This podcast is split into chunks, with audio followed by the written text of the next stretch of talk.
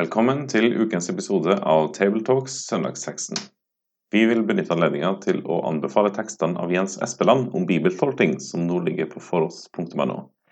Dette er en miniserie på fire tekster som på en lettfattelig, men grundig måte viser hvordan vi kan og bør bruke Bibelen uten å misbruke den. Få med deg de her. Så til dagens episode.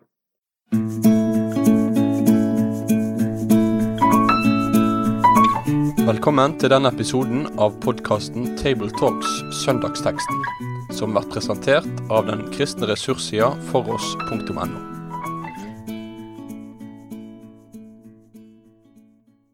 Da ønsker vi velkommen til denne utgaven av Tabletalks Søndagsteksten. Og i dag er det oss her i Namsos-gruppa som er ansvarlig. Bjørn Roger Stien, Øyvind Rått og Endre Stene. Vi begynner med å lese eh, denne søndagens tekst. Vær så god, Evin. Ja, teksten finner vi i Matteus kapittel 28, vers 16-20. Men de elleve disiplene dro til Galilea, til fjellet hvor Jesus hadde satt dem stevne. Og da de fikk se ham, falt de ned og tilba ham. Men noen tvilte. Og Jesus trådte fram, talte til dem og sa, Meg er gitt all makt i himmel og på jord. Gå derfor ut og gjør alle folkeslag til disipler, idet dere døper dem til Faderens og Sønnens og Den hellige ånds navn, og lærer dem å holde alt det jeg har befalt dere.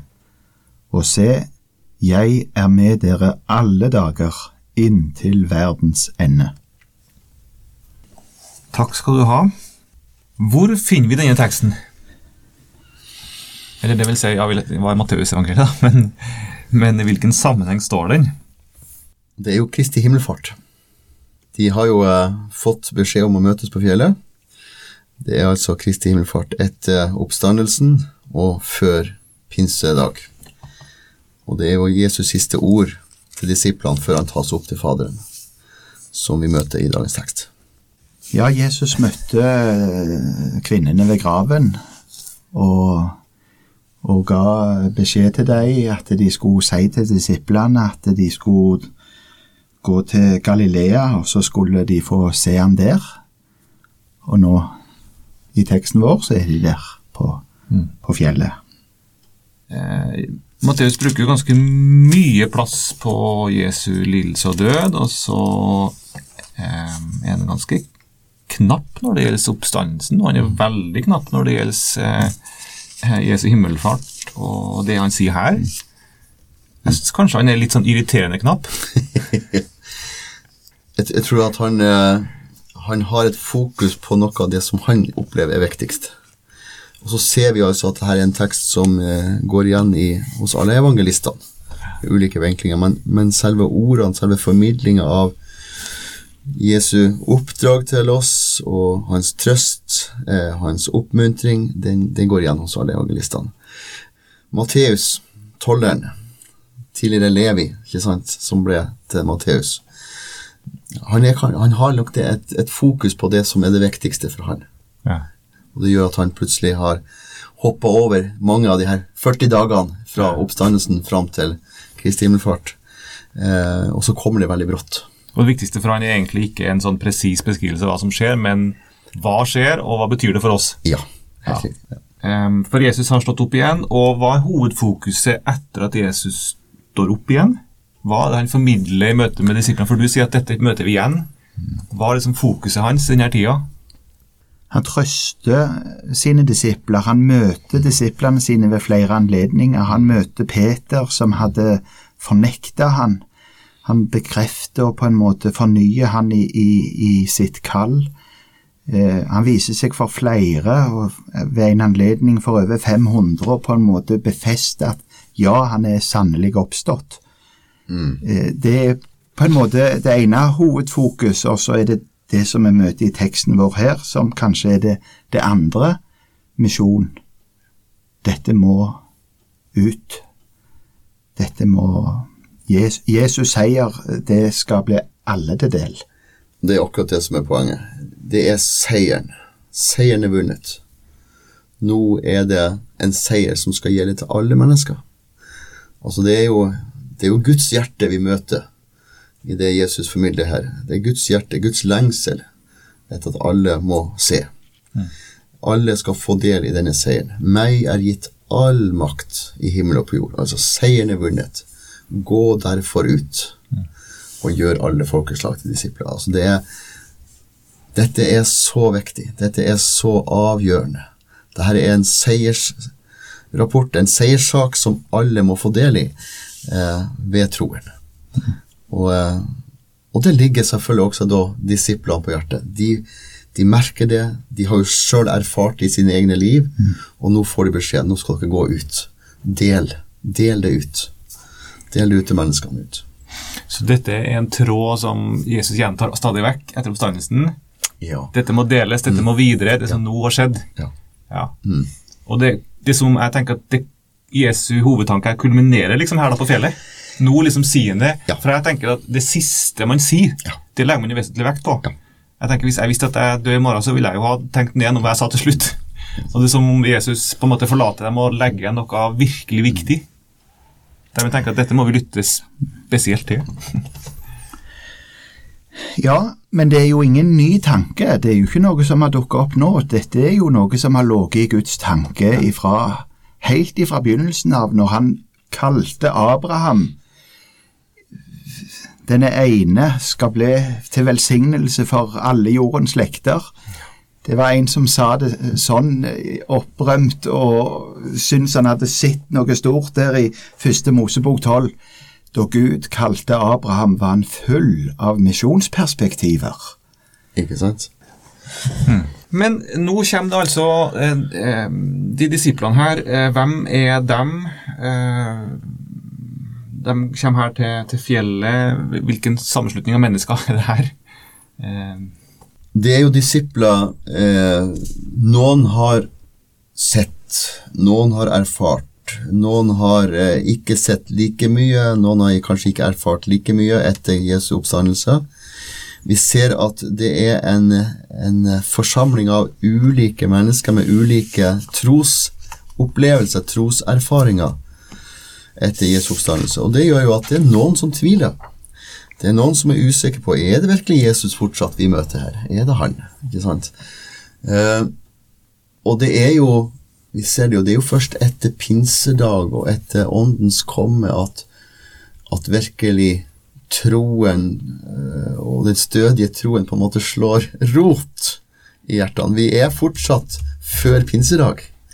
Eh, åndens komme er ikke ennå gitt i. Eh, så, så det er en det er en, det er en forsamling av, av mennesker med ulike tanker. Men de hører det samme. De, de, de, for, de formidles til alle. Altså Jesus gjør ikke forskjell på de som har sterk tro eller liten tro, men alle får det samme oppdraget. Og det syns jeg er litt interessant for vår del òg. Altså, vi kan ha ulik erfaringer, troserfaring i vårt liv, men oppdraget gjelder for alle. Fordi at oppdragsgiveren er den som har all makt. Og han kan bruke oss alle. Fordi han har all makt, og han er med alle dager. Mm. Det er jo interessant å, å se på denne, denne forsamlinga. At noen tvilte, faktisk, står det. Ja. De har jo gått i lag med Jesus i tre år og opplevd eh, mange og store ting, og så har likevel disse, disse siste ukene eh, kanskje rokka litt med ja, kanskje deres egen altså tro på hva, hva de sjøl nesten kan, kan bidra med òg, for uh, det var jo ikke bare Peter som fornekta. De, de, jo, de flykta jo alle når soldatene kom i Getsemanehagen. Uh, så på en måte så, så svikta de jo alle. Og så har han møtt de nå etter oppstandelsen flere ganger på ulike måter, og, og så er de samla her. Jeg syns det er på en måte litt fint òg at det er så bånn ærlig at teksten vår sier det. Noen, noen tvilte. Det er forskjellige slags tanker som rører seg i, disse disiplene òg, men så møter Jesus de. Eh, om de tvilte like mye etter, etterpå, det står det jo ikke noe om, men jeg er ikke så sikker på det. Men altså Jesus kommer òg der hvor eh, tvilen kan eh, være. Og hva kan det formidle til oss? Dette formidler at eh, altså Jesus ser ikke etter vår svake eller sterke tro. og Jesus ser etter villighet til å la seg bli brukt. Kalle til alle. Det er ikke bare en, en elite Nei. som på en måte plukkes ut, eller som får lov til å lytte til hans både tale og, og trøst og, og hans kall. Men det Så forteller det også noe om hvor hudløs ærlig Bibelen er. Ja. Eh, og jeg tenker det også gi- gir meg troverdighet forhold til Bibelens tekst, at her fremstiller den ikke de første disiplene som veldig Perfect. super- perfect. Nei, Men sant. dette Men misjonsbefalingen blir gitt til syndere som trengte og fulgte etter Jesus. Akkurat det det handler om. Ja. Og så kommer altså, selve misjonsbefalinga, som, som er helt tydelig på at det er en sånn, er en sånn treledda befaling med en sånn tydelig makterklæring og hvem som har makt her, og det er et mål med befalingen og et løfte. Kan vi stanse litt ved, ved, ved det første leddet, hvor Jesus trådte fram? Det var som om han, han tok et steg fram foran de andre og, og talte til dem og sa Meg er gitt all makt i himmel og på jord. Dette den begynner med. Det formidles hvem han er nå. Det formidles hans eh, på en måte eh, makt, autoritet, altså på hvilket grunnlag er det nå tida videre framover skal, skal hvile på.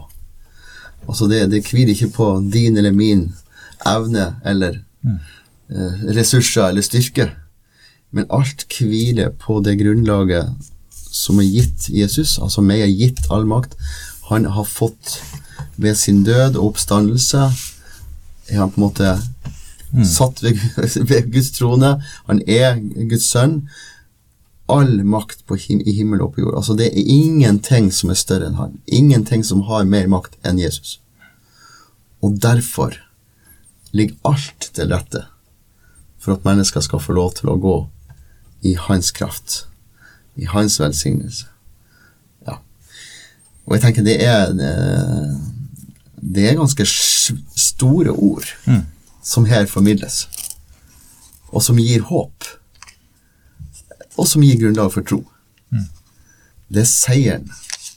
Seiersropet. er All makt i himmel og. Gå derfor ut.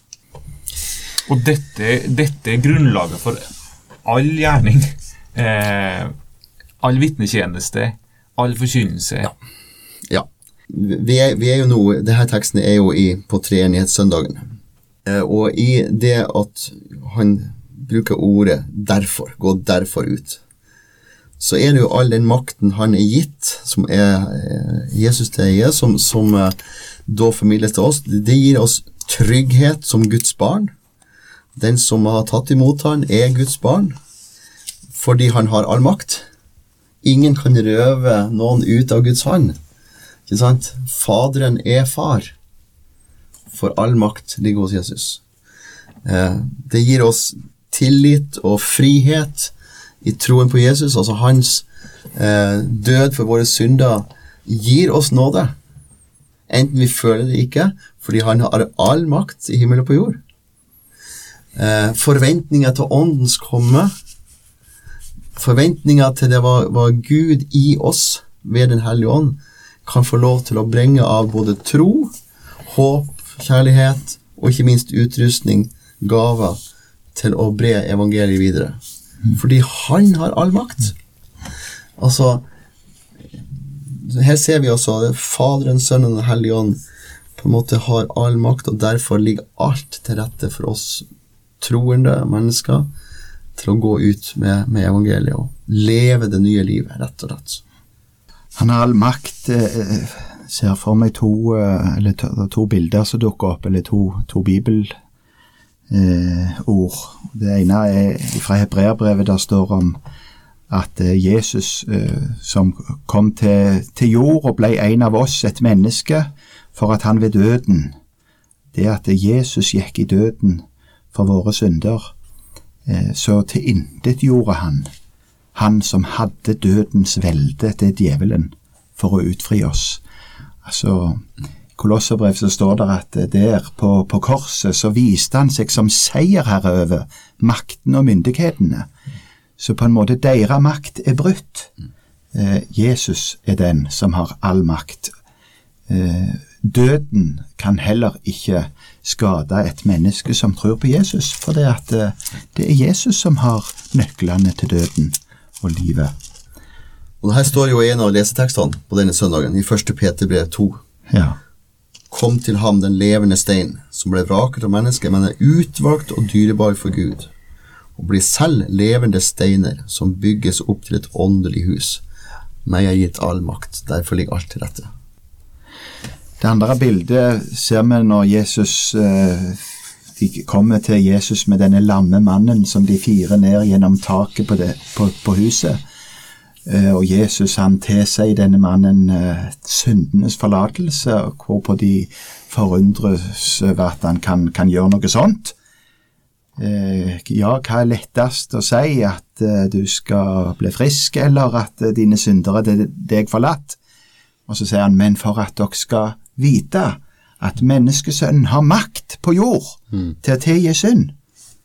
Og så ta senga di og gå. Han har all makt. Det er som om sentrum i teksten egentlig er her, da. Kan det være sånn? Dette er liksom Det er fundamentet. Det er fundamentet. Er det fundamentet, ja. Ja, det er fundamentet for det som videre kommer. Ja. Og jeg tenker det er nettopp det her fundamentet, grunnmuren, eller hjørnestein, som Peter taler om i første Peters brev. Det er hjørnestein som er på plass her. Meg er gitt all makt, gå derfor. Og så kommer resten. Det er som Jesus nå begynner en ny del av sin gjerning som frelser. Nå har han fullført frelsesverket. Eh, Nå, skal han, nå, har han, nå inntar han tronen. Han sitter ved Guds høyre hånd, er på vei dit for å innta den og har all makt. Og er alt underlagt han, og, og dermed også gir autoriteten til å gå ut til, til sine. Og Så sier han altså videre Gå derfor ut og gjør alle folkeslag til disipler. Dere døper dem til Faderens og Sønnens og Den hellige ånds navn. Jeg kjenner det er på en måte så kjent, kjente ord. Så hvordan skal vi nærme oss disse kjente ordene? Jeg tror først det er rett og slett ordet gjør disipler. Gjøre disipler. Som tidligere eh, medarbeider i Indremisjonen så jobber vi jo en god del eh, tid under slagordet 'vinne og bevare'. I senere tid så vi det at vinne og bevare kan fort bli vinne og hermetisere. Eh, altså man skal holde seg borte fra verden der ute. Alt i verden ute er farlig. Derfor er det viktig å vi holder oss for oss sjøl. Vi hermetiserer oss inne på huset her. Um, og så har vi noen oppdrag, vi har noen prosjekter ute, men, men for å beskytte oss mot verden, så er det om å gjøre å vinne oss og bevares i det her. Uh, ja. Hør hvor det stormer der ute, her er det fredfullt og tyst. Inntil vi begynte å se at det faktisk kunne være døden. Det som måtte bli stillestående vann. Det føres noe til, men hvis det ikke har et visst utløp, så blir det brakkvann. Jesus sier ikke at vi skal vinne og bevare, men Jesus sier at vi skal vinne og gjøre disipler. Og den beste bevaringa er jo at det er pulserende liv. Det vi får, kan vi gi videre. Det vi får, kan vi gi videre. Og, og sann disippelskap, sann tro, sann disippelskap hos Jesus, sånn som vi ser det, det handler rett og slett om å utruste til selv å vinne nye, som igjen selv vinner nye, som igjen selv vinner nye. Altså det er det brenner i deres hjerte, ikke sant? Kristi kjærlighet, Kristi nåde, som vi har sett, kan vi ikke holde for oss sjøl. Vi klarer ikke å la det være. Det må videre. Eh, og det er noe av det her pulserende livet som jeg tror Jesus legger stor vekt på. Å gjøre disipler, etterfølgere, vandrere, bevegelse. Eh, og kanskje trenger vi eh, til tider å bli minnet om hva oppdraget er. Det å være sann Guds barn, det er jo å være der Herren er. Og Herren er ikke nødvendigvis på ett sted hele tida, men Herren er stadig på vandring. Altså han, Hans lengsel, hans hjerte, ser stadig etter nye sjeler å vinne. Stadig nye mennesker som han elsker med evig kjærlighet. Eh, Så det her med disippelskapet og bevegelsen, dynamiske der, eh, tenker jeg er en spennende ting i, i dagens tekst. Sånn sett så blir det jo en, en, en slags sirkelbevegelse i hele befalingen som vi møter her. For det står gå, gjør disipler, døp og lær dem å holde. Og dette å lære dem å holde, det føres jo tilbake igjen òg. Det er klart det er, det er hele Guds råd, eh, det er mye her. Men det innebærer òg å gå og gjøre disipler. Og døpe og lære. Så en blir, blir gående òg i denne sirkelen her. Ja, for, for man gjør altså disipler ved å døpe og, eh, ved å døpe og lære. Ehm, her kommer dåpen inn, og vi kaller teksten for misjonsbefalingen, eller også i sammenheng for dåpsbefalingen. Hvordan er forholdet her? Eh, Jesus plasserer altså dåpen midt i sentrum her, men ikke alene, men også det å lære å holde. Ja, og her kommer jo Gammeltestament-teksten for dagens, eh, dagens tekst, som er hentet fra 5. Mosebok 6 inn. Eh, Hør Israel, Herren vår Gud, Herren er en. Du skal elske Herren i Gud av hele ditt hjerte og hele din sjel og all din makt. Disse ordene som jeg pålegger deg i dag, skal du bevare i ditt hjerte. Og så kommer det. Du skal gjenta dem for dine barn, og snakke om dem når du sitter i ditt hus, og når du går på veien, når du legger deg og når du står opp, osv. Opplæring. Dåp og lære. Dåp og tro hører veldig nært sammen. Eh, og dåpens sakrament er ikke vannet, men det er vannet og ordet som mottas i tro. Og det, klart, Jeg har jo til tider stilt med det spørsmålstegnet, liksom, når vi eh, døper barna våre. Når foreldre kommer og ønsker dåp, er dette fordi de har en tro, fordi de har et troende hjem som de ønsker at barna skal vokse opp i, eller er det blitt på en måte et sånt tradisjonssakrament som nødvendigvis kanskje ikke lenger er et sakrament, fordi ikke troen er til stede? Det er mange spørsmål her. Eh, og selvfølgelig, eh, en del av de her tingene kan man alltid diskutere, men jeg tror at Jesus poengterer nettopp dåpen og læren. Fordi det er ved troen at det skaper liv. Det er ordet, Guds ordet, ved tro, som skaper liv. Vannet bekrefter.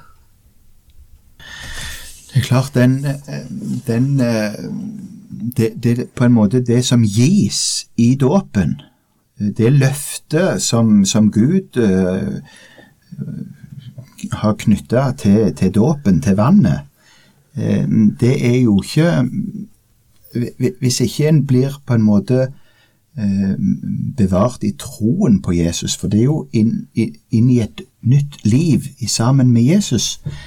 Eh, og skal en på en måte få leve det livet, så hører det med nettopp opplæringen. At en får høre Guds ord, at en får eh, hjelp til å leve og dette disippellivet. Ja, og, og, og vi ser kanskje at den viktigste arenaen for nettopp dåpsbefalinga eller misjonsbefalinga er, er hjemmet. Å lære sine barn, som det står i Det gamle testamentet. ikke sant? Du skal gjenta dem for dine barn og snakke om dem når du sitter i ditt hus. Disiplene fikk jo oppdraget, misjonsbefaling, om å gå ut like til jorden senere, Jerusalem, eh, Samaria, Judea og like til jorden senere. Eh, det starter i vår nærhet, og, og Bibelen taler om oss at vårt hus, vårt hjem, i forhold til våre barn, der starter det første delen av oppdraget, og så går det utover. Eh, Å lære dem å holde er et utrolig stort oppdrag, og et veldig mektig løfte som foreldre og faddere og menighet sammen står om, eh, der dåpen foregår. Men det er altså den opplæringa eh, i Guds ordet som gir grunnlag for tro og frihet og trygghet og tillit til Gud. Ingen av oss kan leve på våre foreldre eller våre forfedres tro, men vi lever på troen på Jesus. Det er han som er sentrum. Eh, så det, det ligger veldig mye her, at troen og lære dem å holde alt det jeg befalte. Og så sier vel også ehm, Jesu plassering av dåpen her altså noe om hva dåpen er for noen ting. For dette er noe nytt. Dette er noe helt annet til forskjell fra Johannesdåpen, som var en dåp til synsbekjennelse og oppgjør og til på en måte en renselse. Her sier jo at, at dåpen er eh, Det er i dåpen du får del i det som nå er gjort. Du får del i det, den seieren Herren har Ja. vunnet, og du blir planta inn på Guds menighet, på, på, på Kristustreet. Ja. Så det er en tydelig definisjon av hva er dåpen for noen ting, når han, når han, når han plasserer det her. Ja, Definitivt. Så rammes det Du kan si befalingen begynner jo med dette gå. Gå derfor ut. Jeg har tenkt litt på det at det er jo ikke det, er jo ikke det at Jesus her kommer med et godt forslag til disiplene sine. Det, det, det kan dere gjøre hvis dere ikke har noe annet å gjøre. Men det er på en måte som om det, det er maktpåliggende. Det, det ligger først i køen. Ja. Gå. Meg er gitt all makt i himmel og på jord, sier Jesus. Gå derfor ut. Det er en befaling. Det er en befaling. Helt riktig. Ingen anbefaling, men en befaling. Når vi var i Peru, så gjorde det inntrykk. En av eh, lederne i kirka som, som fortalte at han jo egentlig i he hele sitt liv i, i kirka hadde hatt et forhold til misjon. Men det hadde vært eh, en, en, en tanke egentlig som hadde ligget der mer eller mindre ubevisst, at misjon det er noe som kommer. Det forbindes med, med noen som kommer til oss. Men i de senere år så var det på en måte sterkere blitt en, en ny tanke. Ja, men Jesus sier gå. Er det, det er jo kanskje vi som må gå. Det syns jeg òg var veldig rikt å oppleve, at ikke bare han, men òg flere. En slags oppvåkning av at det, det er faktisk Jesus ber oss om å gå. Ja, fordi, tek fordi teksten sier jo et sånn tydelig um, Ja, den, den befaler da til, til en handling og til en aksjon og til et oppbrudd og til en bevegelse fra et sted til et annet sted. Eller det vil si fra noen som allerede har det her evangeliet, til noen som ikke har det. Riktig. Gå derfor og gjør Og så står det alle folkeslag. Um, og så langt jeg kan bedømme, så betyr det jo at så lenge det ennå finnes folkeslag som ikke har hørt dette, dette som har skjedd, så ligger det på oss alle kristne å på en eller annen måte bidra til at også de får høre. Jeg kan ikke forstå annerledes at sånn må det forstås. Og, og, at, og at dette oppfylles ikke bare om vi formidler det til våre egne barn og til våre naboer, men at vi også på en eller annen måte må være med og ta det ut dit hvor det er ennå ukjent. For det står jo til alle folkeslag. Og at, det, og, og at dette er noe som ligger på oss alle sammen. Ja, eh, apostelgjerningene 1. Like til jorden skinner. Det er helt klart, det her er et oppdrag, det er en befaling som gis til oss kristne verden over. At vi skal gå ut. Vi skal rekke ut. At alle må få høre. Alle, alle må få høre. Jesus har vunnet seieren. Jesus er veien, sannheten er livet. Jesus er håpet for alle folkeslag, for alle folkegrupper, for alle tunge mål.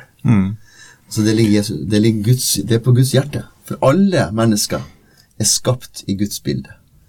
Alle mennesker er elska med en evig kjærlighet. Jesus ga sitt liv for at alle dem som tok imot han, skulle bli Guds barn. Og Derfor er det maktpåliggende for Jesus at dette gjelder ut til alle folkeslag. Det er ikke bare de utvalgte. Det var jo en utfordring til å begynne med, ikke sant? for de var jo jøder. Eh, og de var jo litt forferda når, når det begynte å bli hedninger? Som, som fikk del i, i, i Kristus og fikk del i troen. Men, men det, det tok litt tid, for de skjønte rekkevidden at det faktisk var ut til alle folkeslag. Dette var ikke bare en jødetro. Men dette var ikke bare, Jesus ga seg ikke sitt liv bare for jødene, men for alle mennesker over hele verden. Så det er helt riktig som du sier, Endre, at vi, eh, her ligger det et, her ligger det et, et, eh, et sterkt verdensvid misjonsaspekt i den her, som vi skal ta inn over oss, og vi gjerne skal formidle når vi tar over denne teksten. Eh, er vi med i oppdraget? Har vi vårt fokus på, på bare vårt eget hjem eller vår egen menighet eller vår egen by? Men har vi også noe av misjonsaspektet i seg? Nå, nå, er jeg jo jeg pastor i Frikirka, og, og, og, vi ser det at eh, det her å holde fram misjon, altså ytremisjon, misjon ut til andre folkeslag eh, I den grad vi har en brann for det, så gir det på en måte en egen puls tilbake i den lokale menighet. Og de menighetene som har på en måte mista litt av misjonsaspektet ut, vi har et ord vi bruker Man blir fort litt innfeit. Eh, man har et veldig egoistisk på en måte blikk på oss sjøl og hva vi skal få til, og hva vi ønsker. Men i den grad du har et, har et engasjement for ytre misjon, så skaper det på en måte liv på lokalplan. Eh, og det er viktig. Det er jo på en måte helt klart et Sånn som i apostelgjerningene 1, så er det du, du ser det nære fra Jerusalem av Eh, og så går det, går det ut i Judea, i Samaria og til verdens ende. Vi skal tale, fortsette å tale varmt og sterkt om det ansvaret som hver en av oss har, og i, i våre heimer med opplæringen, sånn som mm. gammeltestamentlige teksten i 5. Mosebok òg sterkt legger inn over oss. Men samtidig at eh, vi kan få at det kan få dirre litt i, i livet til hver og en av oss. At det, mm vi, vi er delaktige i det ansvaret for at de som ikke har, har fått høre, må få høre. Og Det var en som sa det så sterkt at eh, jeg vet ikke om det er grunnlag helt for å si det, men det, det ga iallfall meg noe å tenke på. Du skal ha en god grunn for å bli værende i Norge. Ja. Du må nesten ha et kall til å være i Norge framfor Du må ha et sterkt kall for å bli værende i Norge. Ja, ikke sant. Det er interessant. Mm. For min del også tenkte jeg sånn litt før at eh, ja vel, jeg, jeg, oppfyller på en måte kallet om jeg deler evangeliet bare til naboen eller her i Norge, eller Men sånn tenkte jeg helt til at jeg oppdaga igjen da, at her står det faktisk 'gjør alle folkeslag', og at dette er et kall som Jesus legger på oss alle. Ja. Og så lenge det altså ennå finnes folkeslag der ikke eh, det er eh, en kristen kirke og evangeliet har kommet inn, så ligger det på meg. At jeg på en eller annen måte er med på det. Ja. Men jeg kan ikke gjøre det på en sånn måte sånn at jeg glemmer min nærmeste krets, for, for ringen min innerst. Men jeg må også tenke at Jesu primærkall er at evangeliet skal ut der det ennå ikke er hørt. For det er da, det er når det skjedde, Jesus kommer igjen. Så han venter jo på å få komme tilbake til at alle folkeslag har hørt. Derfor er dette tenker jeg, et sånt, dette er vårt primære kall og primæroppgave. Jeg tenker at det er noe om å ha, forstå at Guds nåde, Jesu fullbrakte verk på Golgata, er like verdifullt for kona i nabohuset som gamle bestemor oppe i Nepal. Eller det lille barnet i Indonesia. Mm. Guds evige kjærlighet, mm. Guds evige nåde, er kontinuerlig. Og Guds lengsel fra syndefallet i paradisets hage er at alle, alle må komme tilbake. Kom hjem, kom hjem. Og oppdraget Jesus her nå gir, det er altså at på bakgrunn av at han har all makt, så er vi hans ambassadører. Til å peke på Jesus, peke på den tomme grava, peke på håpet til alle folkeslag. Alle mennesker enten de er hjemme eller ute. Nå er jo vi i den situasjonen i Norge at vi får mange av de der ute hjem til oss. Mm. Og det er også en viktig bit av det her. Eh, mye av misjonsmarken som vi tidligere hørte om der ute, kommer jo som, delvis som flyktninger og asylsøkere også til oss. Og de er like høyt elska. Guds lengsel gjelder like mye for dem som for de andre.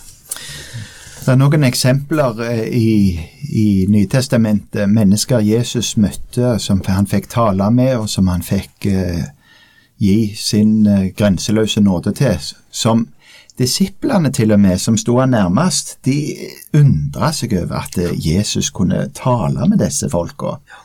Der var ei kvinne ved Sykars brønn, samaritansk kvinne som han fikk møte, annet. Eh, Disiplene undra seg over at han snakka med hun.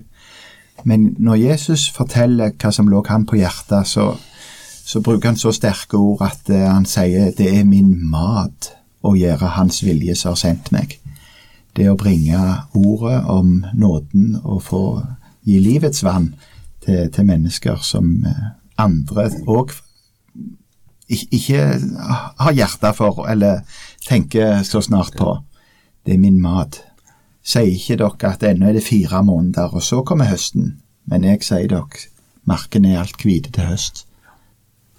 Så kan et sånt oppdrag, et misjonsbefaling, virke utrolig stort. Nesten overmektig for oss. Hva skal lille meg, hva skal vi kunne gjøre? Jesus sier, meg er gitt all makt, gå derfor ut. Så er det viktig at Jesus avslutter denne misjonsbefalinga også med noen utrolig viktige ord, som binder sammen nettopp det han sa først, er gitt all makt. Det at Jesus sier, og se, jeg er med dere alle dager, inntil verdens ende. Og det, for meg er det avgjørende viktig, at dette oppdraget denne nøden som ligger på Gud på hjertet, der han ønsker å bruke oss som sine redskaper, som sine medarbeidere i Guds rikes innhøstning, så handler det ikke om min utrustning, mine gaver, mine evner i utgangspunktet, men hva han ved sin makt kan utruste og gi meg. Og så er jeg på en måte ved sida av oppdragsgiveren. Han går ved min side, han går bak meg, han går foran meg. Han bærer meg når det er tungt. Eh, ikke sant? Se, jeg er med dere alle dager. Så kan man stille spørsmål. Bruker her nå Jesus også Jave? Jeg er. Jeg tror det. Meg er gitt mag. Jeg er Jave. Er med dere alle dager. Og når jeg ser eh, i Lukas eh, 24 om, eh, om disiplene som etter har fått denne befalinga, så at Jesus var tatt opp til himmelen på Kristi himmelfartsdag, så står det altså i Lukas 24 at de da gikk inn i Jerusalem med stor glede. Og det har stadig vært en sånn undring hos meg. Her var det altså personer som ikke var fra Jerusalem, de var oppe fra Galilea-området. Eh, de hadde erfart Jerusalem som en fiendtlig by, som hadde ropt 'korsfest, korsfest'. De var så redd i denne byen at de satt bak stengte dører etter, etter Jesu korsfestelse. Og gang på gang måtte Jesus komme bak de stengte dørene. De var livredde. Så er de altså kommet opp til eh, Galilea, for de er ved Galilea nå på fjellet, og så har de fått oppdraget. Og så går de altså med stor glede tilbake til fiendebyen Jerusalem. Hva er det som gjør at de går dit med stor glede? Og jeg tror det må være rett og slett at de har fått en forståelse av det Jesus nå har sagt. Meg er gitt all makt. Derfor gå. Se, jeg er med dere. Så kunne de altså våge å gå inn i denne byen med stor glede, selv om de ikke hadde den store teologiske utdanninga. Selv om de ikke hadde noe økonomi. Jeg håper å si kassereren hadde hengt seg. Eh, selv om de ikke hadde noe eh, menneskelig sett ressurser på plass, så gikk de likevel på det løftet som Herren hadde gitt. Og Så gikk de inn til Jerusalem, og så var de der og venta til ånden, det som var lova, talsmannen, skulle komme.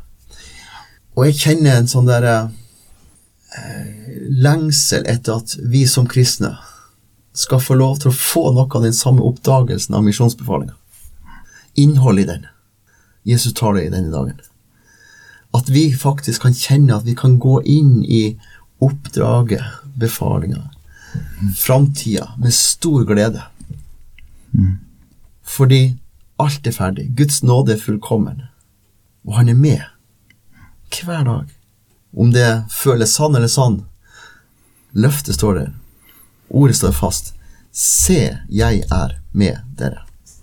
Alle dager, Alle dager. eh, og, og så er det sagt alle slags dager. Ja. Og det, det er kanskje òg den erfaringen disiplene gjorde, at det, det var jo ikke det at det ble problemfrie liv, for han er med. Tvert imot så opplevde de ganske mange dager som var vanskelige dager. Men de hadde likevel en frimodighet at det, det er en som er med, han har all makt. Og Paulus han skriver det sånn, vi har denne skatten i leirkar, for at den rike kraften skal være av Gud og ikke fra oss sjøl. På alle vis er vi trengt, men ikke stengt. Rådville, men ikke rådløse, osv. For han er med alle dager, inntil verdens ende. Skal oppdraget lykkes, så er vi avhengig av han. Foruten meg kan dere ingenting gjøre, sa Jesus. Da tror jeg vi eh, skal gå mot avslutning. Kan du, Øyvind, avslutte med en bønn? Ja, kjære Herre og Frelser, vi takker deg for ditt ord, og vi takker deg for eh, den, dette, dette avsnittet som vi har fått lese sammen her. Takk for misjonsbefalingen. Takk at det er du som er den som har all makt i himmel og på jord, som byr oss om å gå, og som lover sjøl å gå med. Vi ber Herre om at det må få lov til å dirre i våre liv, eh, at det er maktpåliggende, at eh, ord om deg, den seier som du har vunnet ved din død og oppstandelse, at det må få nå til alle folk, at de kan få lov til å komme inn igjen i samfunnet med sin skaper og Herre. Vi ber om det i ditt navn. Amen. Med det sier vi takk for følget for denne gang. Finn flere ressurser, og vær gjerne med å støtte oss på foross.no.